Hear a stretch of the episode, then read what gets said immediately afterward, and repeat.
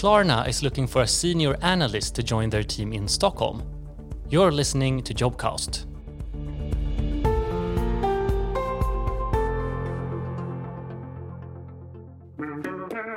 My name is Hilda and I work as an analyst at Klarna. So, working as an analyst at Klarna, you will analyze any type of problems. It could be problems towards market entries, it could also be problems that we are currently having with our products.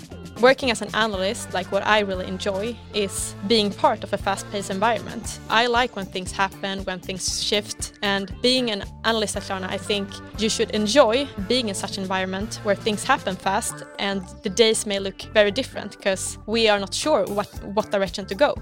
In your role, you will function as a bridge between operations and you will create business insights and support business decision that happens in the organization. We are looking for curious people that likes numbers, analytics and that are not afraid to be an environment that everything is fast moving.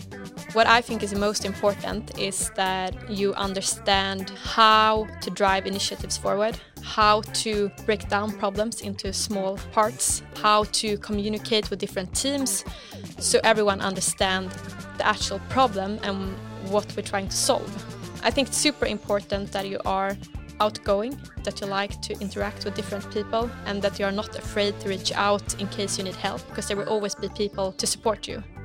I love working as an analyst at Klarna. If you think this role sounds interesting, please send in your applications and I will look forward to welcoming you on board to Klarna. You've just listened to Jobcast. Would you like to get to know more companies? Download our app at App Store or Google Play.